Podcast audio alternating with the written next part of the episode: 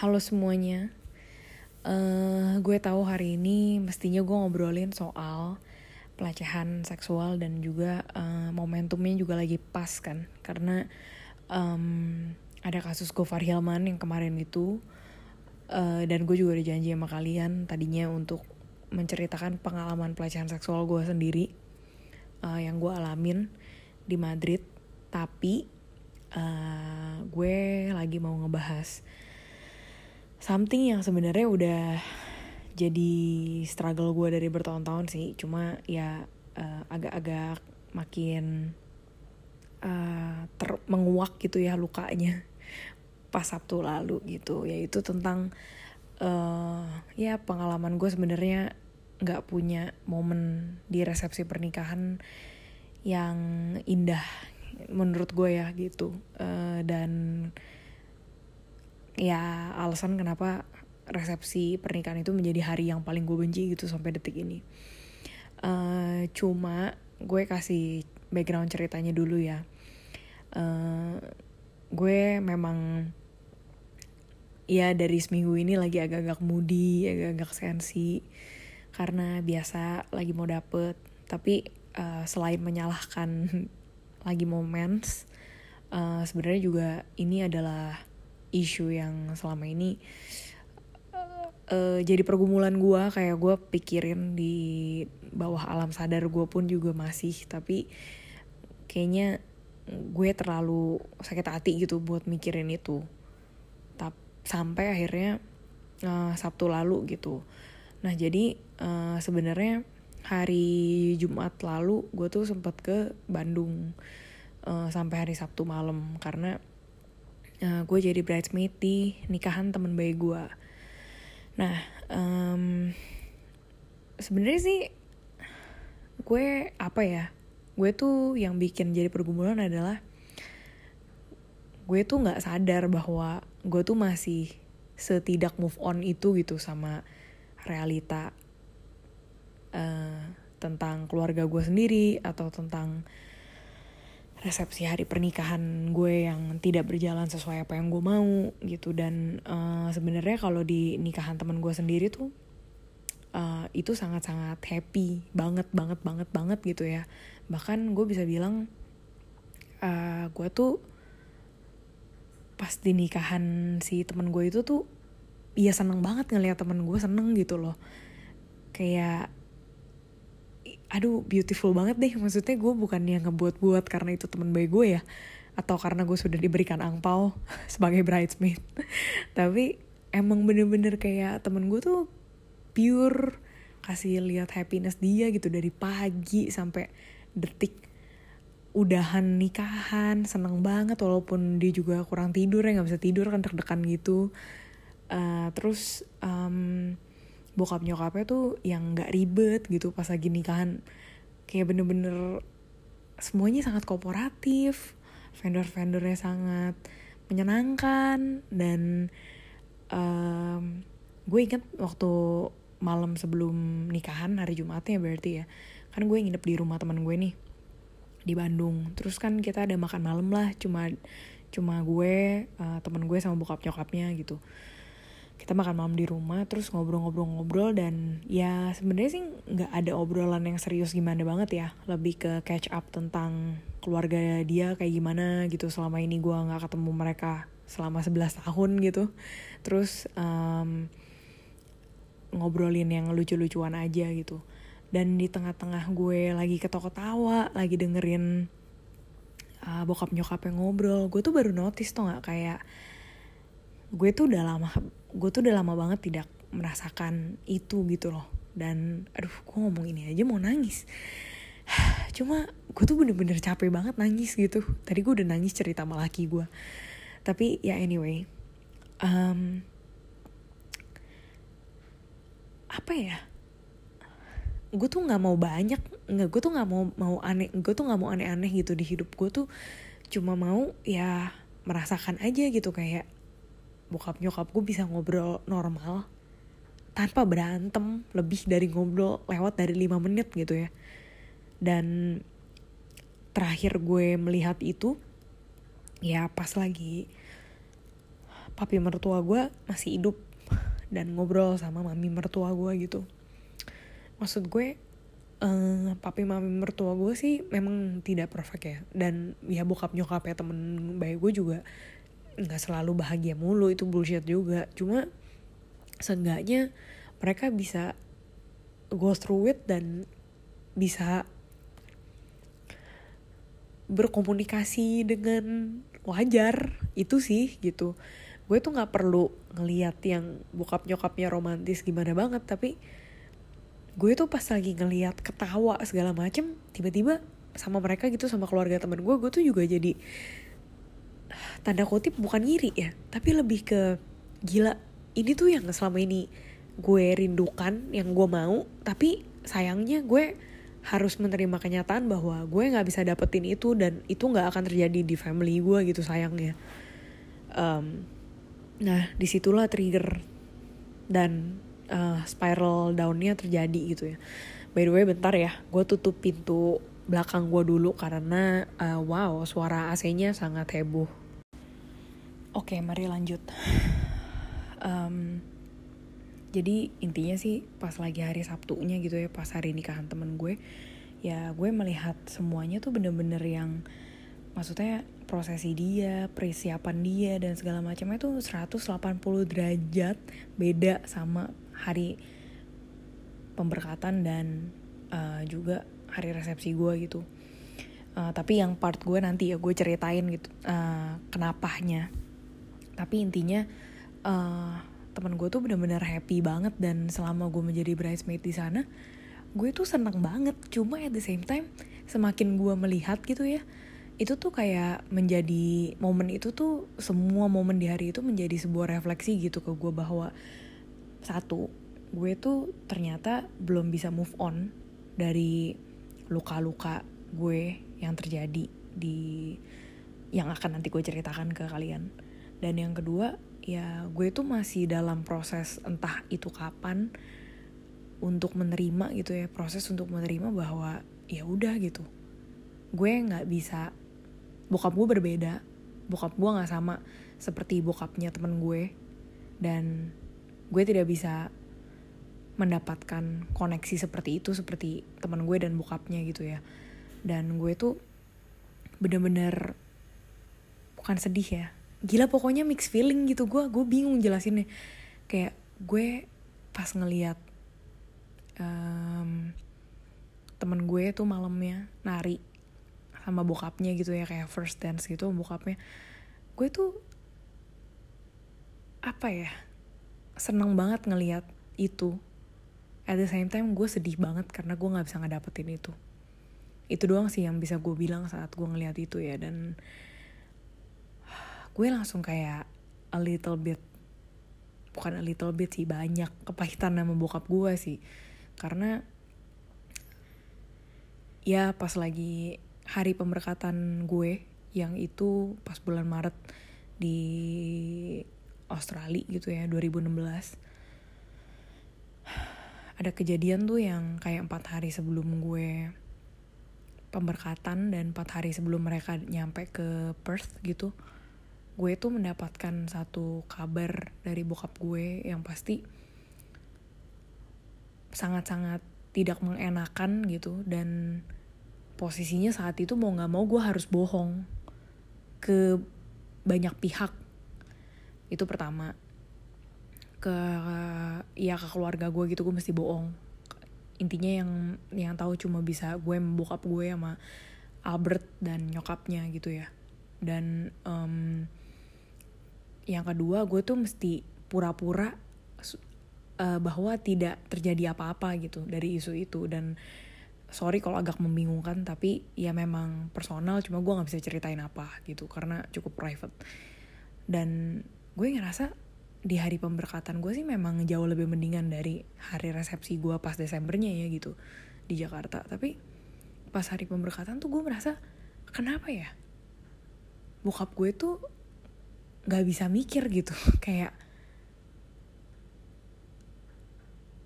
kenapa gue disuruh bohong dan disuruh pura-pura kayak nggak ada apa-apa?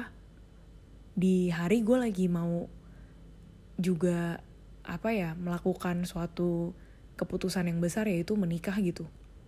Di hari itu di hari penting gue kenapa? Kayak lu logikanya nggak kesampaian apa gimana sih? Maksudnya why? Gue still don't get it sih until, until now gitu ya. Dan gue inget tuh untungnya di hari itu yang menyelamatkan gue adalah ya gue ngatur semuanya bener-bener sesuai seperti apa yang gue dan suami gue mau gitu. Sangat kusyuk uh, simple apa pun yang kita kerjain ya sesuai sama apa yang kita mau idealnya pernikahannya gitu pemberkatannya dan setidaknya itu yang menyelamatkan gue ya karena gue merasa ya ini bener-bener sakral dan uh, gue melakukan prosesi ini bukan karena buat gengsinya orang tua gitu. Nah, sedangkan pas lagi di hari resepsi gitu, kan itu Maret 2016 ya gue pemberkatan. Nah, hari resepsi kan Desember 2016 pas gue di Jakarta. Oh my god, itu kayaknya gue nggak usah ulang-ulang lagi ya, karena kayaknya kalau lu yang ngedengerin podcast gue dari awal-awal banget kayaknya udah inget deh ini pasti urusannya sama body shaming bridal ya kan terus gue yang kayak ribut sama Ci gue sama nyokap gue gue yang akhirnya emosi banget dan uh, share foto gue yang setengah telanjang coba pakai BH kolor. Ya itu udah ya ya. Maksudnya gue gak usah repeat itu lagi gitu. Tapi uh, itu kan yang kalian tahu paling banyak kan ceritanya. Cuma tuh aduh Tuhan gue cerita aja sekarang tuh kayak nyesek gitu loh kayak susah gitu napas gue anjir. Karena ya keingetan lagi aja gitu kayak dari gue bangun pagi dari sebelum gue nikah maksudnya sebelum gue satu hari sebelum gue resepsi itu tuh bokap gue tuh ribet banget yang kayak maksud gue kenapa sih kadang-kadang orang tua itu tuh empatinya itu di mana gitu? Kayak lu lu nggak mikir apa ini tuh hari hari bahagia bukan hari bahagia juga sih hari besar anak lu lah gitu intinya. Kayak hari besar anak lu besoknya anak lu lagi ribet bakal ngurusin resepsi dan lu malah ngeribetin anak lu juga gitu. Intinya gitulah ya. Bokap gue tuh kayak sehari sebelumnya tuh sempet yang kayak ngambek-ngambek nggak jelas ditanya mau makan dibilang gue gue tanya mau makan apa enggak dibilang enggak. Abis itu gue pernah lagi di luar. Terus nggak taunya dia kayak ngarepin gue kayak tebak-tebak berhadiah tebak-tebak buah manggis. Kayak ternyata dia mau makan dan akhirnya dia bete. Gue kayak aduh intinya gitulah ya. Lu lu tau lah orang tua gitu rese banget aduh Tuhan. Cuma intinya di hari di satu hari sebelum gue menikah itu gue tuh berasa bahwa gue tuh capek banget. Gue nggak mau resepsi ini. Resepsi ini tuh bener-bener pure buat iya mohon maaf gengsi orang tua doang gitu. Mau ngepestain anaknya. Dan semua prosesi yang akan terjadi di hari resepsi itu tuh nggak nggak nggak bisa gue apa-apain gitu. Mau gue sederhanain kayak di Australia juga nggak bisa.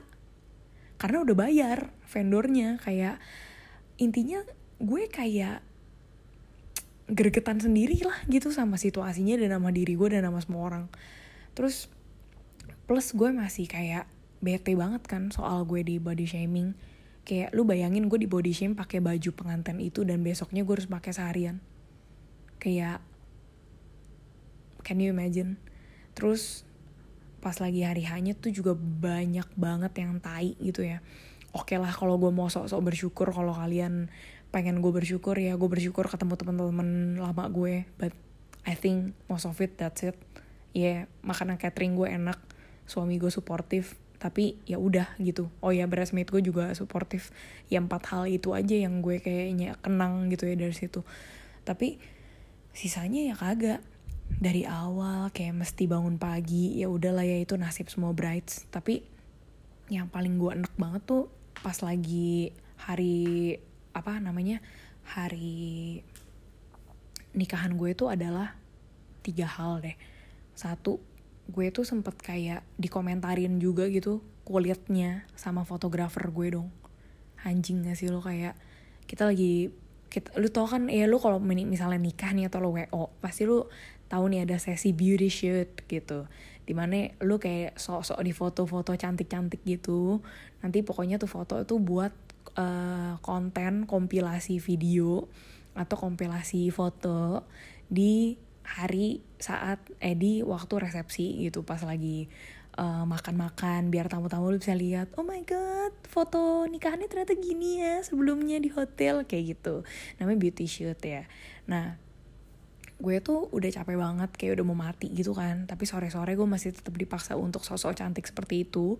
Akhirnya gue waktu itu kan uh, disuruh buka. Pokoknya kalau nggak salah ada satu pose di mana gue tuh disuruh buka uh, apa ya area kaki gue dikit gitu. Jadi kayak mau sok-sok uh, apa sih ngiket tali sepatu gitu ya. Lu paham lah posenya. Nah tapi saat itu tuh kaki gue tuh lagi banyak luka korengnya gitu. Luka di bekas gigit nyamuk. Karena memang kulit gue tuh sensitif gitu sama digigitan nyamuk. Dan tiap kali gue baru nyampe ke Indonesia pasti seperti itu gitu. Kulit gue langsung kayak korengan gitu lah terus fotografer gue dong pakai segala ngomong gila uh, gila lu cing. Kaki lu ini banget. Kayak maksudnya uh, kaki lu budukan banget atau apa gitu. Something along that line. Terus kenapa? Mungkin kalian mempertanyakan ya kayak anjir kok vendornya bisa kayak gitu? Nah masalahnya vendornya ini tuh memang kayak ya gue nggak mau sebutin merek tapi intinya kayak um, friends of friends yang gue kenal intinya masih circle kita. Jadi mungkin dia mikir oh ya yeah, gue mah kenal sama acing ini gitu nggak masalah lah gitu. Nah yang ngomong sih bukan orang yang kenal banget sama gue ya tapi kan mereka ada ada ada timnya gitu kan. Nah ini tuh kayak asistennya dia gitu yang kayak dia pikir eh si fotografer gue kan kenal sama dia gue juga so asik aja lah mungkin mikir gitu kali anjing. Terus gue kayak tai banget. Abis itu kayak sempet lagi kayak suami gue lagi foto kan suruh foto terus uh, laki gue tuh kayak mau kancingin ke meja blazernya atau apa gitu. Terus habis itu kayak agak nggak muat. Ya lagi-lagi ya kita memang menggendut saat itu. Tapi nggak perlu kali lu fotografer lu sampai ngomong kayak ih pokoknya udah kali kok kayak nggak usah maksain bah kalau bajunya sempit atau apa. Kayak komentar-komentar kayak gitu kayak ayo fucking kidding me? Kayak kadang-kadang tuh orang tuh kerja ya lu jasa saya ja, kasih jasa kasih servis tapi mulut lu tuh goblok tuh nggak? Habis itu udah dong. Berikutnya tuh um, ini yang berikutnya itu adalah uh, momen pas lagi gue salam salaman pas lagi salam-salaman itu tuh um, gue kan bersalaman dengan beberapa orang yang uh, berteman dengan saya di Facebook ya saat itu gitu. Dan karena mereka beberapa hari sebelumnya ngeliat foto gue yang gue share tentang uh, kayak cuma pakai BH sama kolor gitu gara-gara gue speak up tentang body shaming gue masa lu pas lagi salaman ada dong yang ngomong beberapa orang ngomong kayak gini cing lu cantik kok cing lu nggak gendut anjing gak sih? Gue kayak sekarang gue ketawa nih ngomong. Tapi pas lagi hari hanya tuh gue sampai kayak geleng-geleng kepala. Kayak gue udah nggak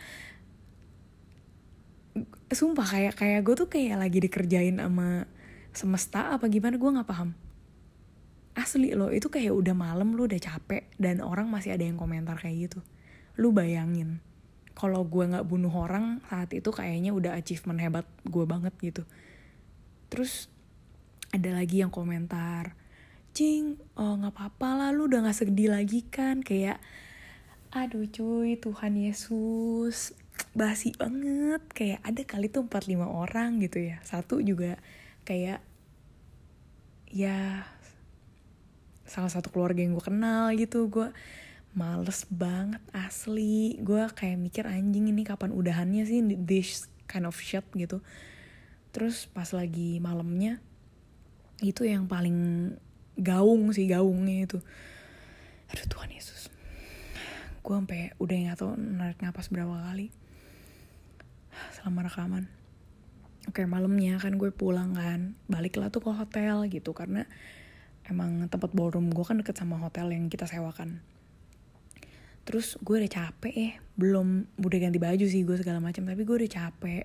Lagi mau bersihin make up tiba-tiba bokap gue dong ting tung gitu pencet kamar hotel gue nih bokap gue ngomong cing papa mau ngomong sama kamu. Sama Albert. Terus gue mikir ah ini pasti mau kasih wajangan-wajangan ayah kepada anaknya sebelum menempuh hidup baru nih gitu kan. Gue pikir ya udahlah ya biarin aja bikin orang tua seneng gitu dikit. Ya udah akhirnya gue um, keluar gitu ngobrol di lorong hotel. Terus awalnya masih bener nih awalnya masih waras nih bokap gue masih kayak ngomong iya lu tuh jadi uh, suami eh jadi istri tuh mesti saling support uh, jangan jangan gak hormatin suami lu jangan ngejelek-jelekin suami lu jangan injek harga dirinya and whatever lah ya. Ya pokoknya intinya semua masih make sense.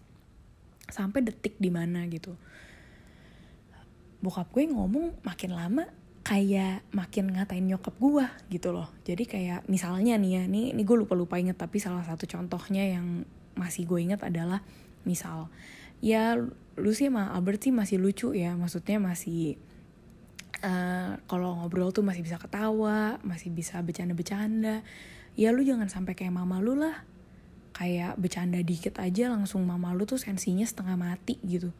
Kayak langsung ngungkit-ngungkit masalah yang dulu-dulu terus misalnya lagi um, iyalah lu jangan kayak sampai kayak mama lu yang kayak nggak ngehargain papa kalau ngomong di cut apa segala macam terus gue mikir ini lu kasih wejangan ke anak lu tapi lu sambil ngatain istri lu gitu yang adalah emak gue di depan eh ini lu sekarang mantu lu gitu depan suami gue kayak mau lu apa anjir maksud gue gimana ya? Gue share ini tuh karena uh, bukan karena mau ngata-ngatain bokap gue. Tapi lu capek gak sih ngeliat dinamika orang tua lu nih? Yang sebenarnya tuh udah bagusnya sih lu cerai aja anjir. Tapi demi apa pun itu entahlah bokap nyokap lu gak cerai tapi juga tidak ada perbaikan di dalam hubungannya. Kayak gunanya buat apa? Fuck lu tuh cuma ngerepotin anak lu doang anjir. Kayak gitu lu mau gue ngapain? Dan lagi-lagi loh itu tuh masih hari hari hari besar gue dan hari capek gue juga. Dan lu mau endingnya seperti itu gitu. Jadi tuh intinya dari hari resepsi gue dari awal sampai akhir itu nggak ada yang bener. Ibarat kata gitu. Yang bener ya karena gue sok-sok syukur bersyukur aja gitu. Biar gue nggak gila. Gila kan? Gue kayak anjrit sih. Tuh makanya balik lagi ya kayak gue kadang-kadang mikir gitu ya keluarga itu tuh something yang menurut gue topik yang susah sih karena ya conflicted banget. Dan di posisi gue yang sekarang ini yang memang ya gue nggak kontak-kontakan sama bokap gue entah sampai kapan gue merasa kayak mohon maaf kasarnya gue anggap bokap gue fisiknya memang masih ada. Tapi gue merasa ya secara figur gitu ya dia udah nggak ada sih. Kayak ya udah it's gone gitu. Karena figur bokap yang selama ini gue harapkan dan gue mau sebenarnya nggak ada di dia dan masalahnya nggak pernah terjadi juga gitu. Apakah tidak menyiksa gue dan juga beliau gitu kalau gue paksakan itu terjadi. Kayak gue berharap ya figur bokap gue itu yang bisa menghormati gue kalau ngomong uh, ngelihat gue yang nggak cuma dari cewek doang gitulah tapi ya bener-bener gue orang yang bisa support kerjaan gue tanpa ujung-ujungnya bawa kalau kamu misalnya kerja di film kerja di Visinema suami kamu gimana? Nggak yang kayak gitu tolong ya maksudnya. Dan ya tapi sayangnya itu nggak akan terjadi sih gitu. Gue nggak mau punya harapan tinggi ya karena gue tahu bokap gue seperti apa. Dan kalau lagi kayak gitu kalau lagi gue lihat di depan mata gue ada orang yang merefleksikan sesuatu yang gue tidak punya ya gue balik lagi sih jadi melo gitu. Karena gue mikir gila ya um, yang bisa kayak gitu tuh the closest itu adalah papi mertua gue gitu. Ya lagi-lagi ya gue gue bukan mau kasih lihat kayak ya anjir tuh si acing sayang banget sama papi mertua gue. Ya enggak lah ada resenya juga namanya juga orang tua. Tapi di mata gue uh, hal prinsip gitu ya yang gue nggak bisa dapatkan di bokap gue yang ya biologis adalah cara bok cara papi mertua gue menghormati keputusan anak-anaknya sih gitu. Dan termasuk keputusan gue gitu. Dan gue tuh butuh itu.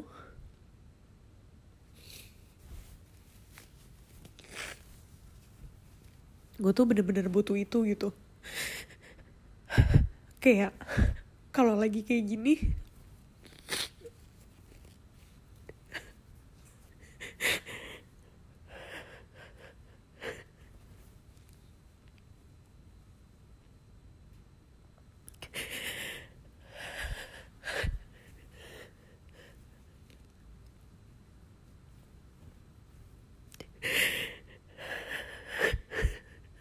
kalau lagi kayak gini gue coba mikir.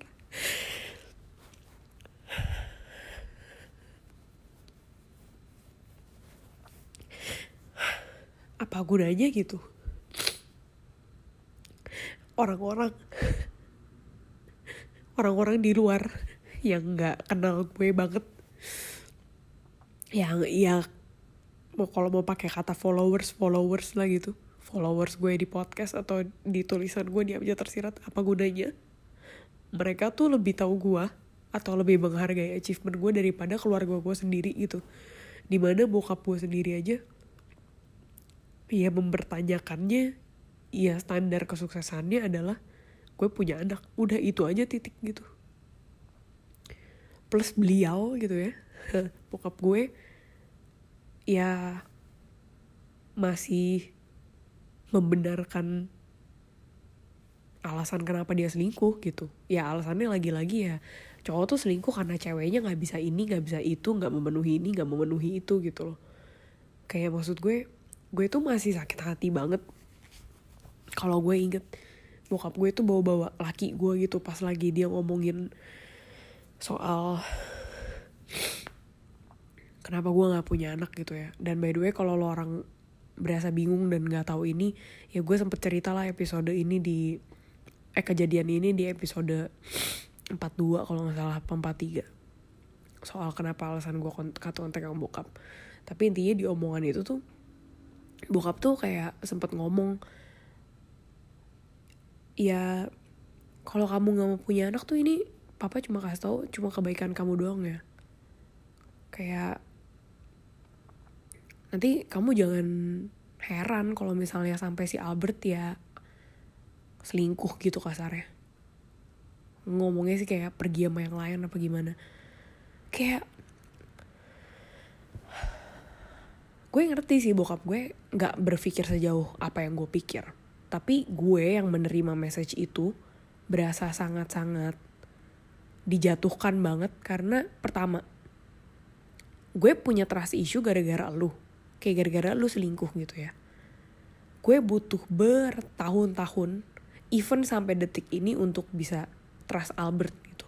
Kadang-kadang tuh gue kalau lagi kumat gue tuh bisa mikir si Albert kayak jangan-jangan si Albert bakal ninggalin gue dan selingkuh sama teman kantornya mungkin yang lebih nyambung sama dia. Atau misalnya kalau gue bikin salah apa atau gue berasa kayaknya gue nggak satisfy dia in one part of our marriage gitu gue langsung mikir pasti dia bakal ninggalin gue apa gitu gitu tapi gue tuh berusaha keras gitu. Gue mikir ya udah itu something yang gue nggak bisa kontrol. Dan gue cuma bisa trust the process aja. Terus udah gantiannya gue udah coba my best. Dan gue percaya Albert bukan orang yang kayak bokap gue terus bokap lu sendiri malah ngomong kayak gitu kayak lu ngerti gak sih kalau lo di posisi gue tuh sejatuh apa gitu? Walaupun gue tahu ya motif bokap gue ngomong kayak gitu ya karena dia mau menjustify kelakuan dia gitu loh yang selingkuh kayak mau membenarkan. Dan ya cowok gue makanya sampai dibawa-bawa gitu. Tapi gue tuh masih kayak nggak habis pikir sih itu keluar dari mulut dia aja sih gitu. Jadi to finish to finish it off. Ya. Lagi-lagi ya maksudnya episode seperti ini tuh seperti gue mencari jawaban untuk diri gue sendiri yang gue nggak tahu jawabannya apa gitu. Mungkin ya gue mencari kedamaian atau mungkin ya gue mencari kedamaian itu lewat ya menerima kenyataan gitu. Bahwa gue selama ini kabur dari apa um, dan another thing ya reflection on parenting itu sendiri sih. Kadang tuh orang berpikir gitu ya kayak menikah itu tuh pasti uh, menyelesaikan segala sesuatunya atau menikah itu pasti selalu indah menikah itu pasti selalu ini ya iya gitu. Tapi dengan investasi energi dan tenaga di relationship lu sebelumnya seperti apa gitu. Kayak gue merasa banyak orang tua apalagi orang tua kita gitu mungkin belum teredukasi ya soal kayak skills communication skills dan relationship mereka tuh isunya udah numpuk numpuk numpuk numpuk mau ke konseling pernikahan malu mau cerai juga malu. Jadi mereka asal bertahan dengan ya ya ini sukses itu atau cinta itu ya bertahan lama selama lamanya walaupun nggak ada kualitasnya gitu. Dan gue inget banget gue pernah ngobrolin ini waktu lagi di seminggu bersama Lex gitu ya. Di episode yang kedua kalau nggak salah dan itu tuh bener-bener gila spot on banget sih memang. Dan semoga jangan sampai kita anak-anak yang sudah menjadi korban dari ngeliat orang tua kita bersatu atau bersama just for the sake of it gitu ya. Bukan karena ada kualitasnya. Ya jangan sampai kita meneruskan itu ke relationship kita yang berikutnya lah gitu. Jangan sampai kalau kita udah punya pasangan ya kita gituin pasangan kita juga. And it's also a reminder for me sih. Um, gue juga deep down sebenarnya kenapa gue sering banget ngomongin relationship bukan karena gue tahu gue perfect gitu jadi gue omongin tapi karena gue takut banget gue melakukan kesalahan yang sama kayak bokap gue gitu loh. Atau ya hal yang sama seperti nyokap gue juga. Nyokap gue juga communication skillsnya tidak perfect juga ya ibu-ibu gitu. Dan ya itu sih yang mau gue share hari ini. Um, I hope kalian tidak merasa sendiri kalau misalnya selama ini ternyata punya struggle yang uh, sama atau mirip seperti gue dan ya thank you selama ini untuk kalian yang dengerin episode-episode yang seperti ini dari awal sampai akhir. Uh, I know you don't have any obligation untuk dengerin dari awal sampai akhir, tapi gue bener-bener appreciate banget uh, waktu kalian untuk ngedengerin dan kadang-kadang juga ada beberapa yang approach gue lewat DM untuk menyemangati gue. So, thank you and you know who you are. Bye.